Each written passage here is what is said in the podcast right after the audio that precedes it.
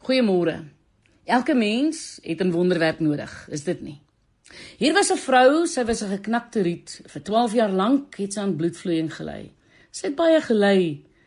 Sy het alles wat sy gehad het bestee en geen baat daarby gevind nie. Sy het 'n kroniese menstruele siekte gehad, aanhoudende bloeding. Jong, jong so 'n toestand sal vir enige vrou in enige tydperk moeilik wees.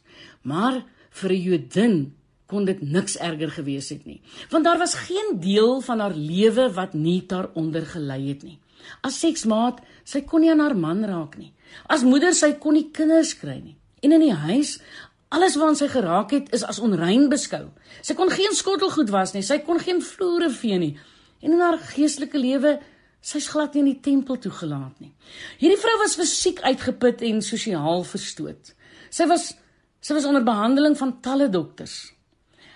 Maar niks het vir haar gewerk nie. Selfs die bygeloof van die as van 'n volstryseier wat in 'n linnesak rondgedra moet word, was slegs 'n leë bygeloof. Sy het alles wat sy gehad het daaraan bestee. Nou om finansiële probleme by al haar ander fisieke probleme te moes hanteer, was amper net te veel vir vlees en bloed. By alles wat sy gedoen het, het sy niks gebaat nie. Sy was 'n geknakte riet. Sy het daagliks wakker geword met 'n liggaam wat niemand wil hê nie. Sy was by haar laaste gebed. En die dag wat ons haar ontmoet, is sy reg om daardie gebed te doen. Jong, ek wil vandag vir jou sê soms is die punt van totale wanhoop ook ons keerpunt.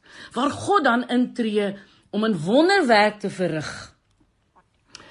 Teen die tyd dat die vrou by Jesus uitkom, is hy deur baie mense omring. Hy is op pad om die dogtertjie van Jairus, 'n baie belangrike man in die gemeenskap te gaan help. Wat is die kanse dat hy so 'n belangrike missie sal onderbreek om iemand soos sy te help? Wat is die kanse? Maar wat is die kans dat sy sal oorleef as sy nie van hierdie geleentheid probeer gebruik maak nie? Dis nog skraler. Sy moes dus probeer. As ek as ek maar net aan sy klere kan raak, het sy gedink, dan sal ek gesond word. Dit was 'n kans om te vat. Om hom aan te raak, sal sy aan die ander mense ook moes vat en as een van hulle haar herken, jong, dan sal sy totsiens moes sê vir haar genesing. Maar watter ander keuse het sy? Sy het nie geld nie, sy het geen invloed nie, sy het geen vriende nie, sy het net geen oplossings nie. Al wat sy het is hierdie lawwe idee dat Jesus haar kan help en groot hoop dat hy wel sal. Miskien is Miskien is dit ook al wat jy vandag het 'n lawwe idee en 'n groot hoop in jou hart.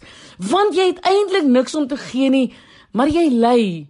En al wat jy het om hom te bied is net jou lyding. Ek wil vandag vir jou sê, die vrou was bang geweest wat ander van haar sou dink in haar desperate poging om by Jesus uit te kom. En sy kon toegelaat het dat haar vrees haar keer. Miskien, miskien is dit ook wat jou verhoed het om na God toe te kom.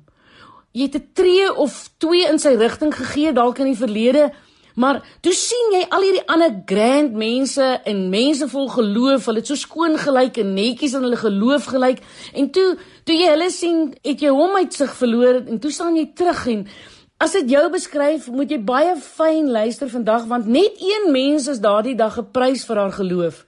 Dit was nie 'n ryk donateur nie. Dit was nie 'n getroue volgeling nie. Dit was nie 'n bekende skrifgeleerde nie.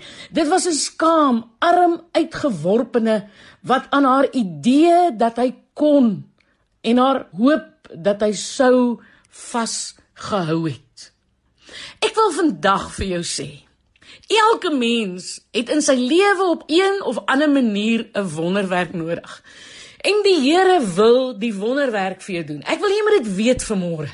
Al wat hy soek is dat jy jou totaal en al in geloof in hom sal verloor sodat hy vir jou hierdie wonderwerk waarna jy smag kan doen. In geloof. Hou op dink wat ander mense sal dink. Hou net vas aan die Here. Bly in geloof dat hy besig is om vir jou 'n wonderwerk te doen. Ek is Lenet Beer vir Radio Kansel.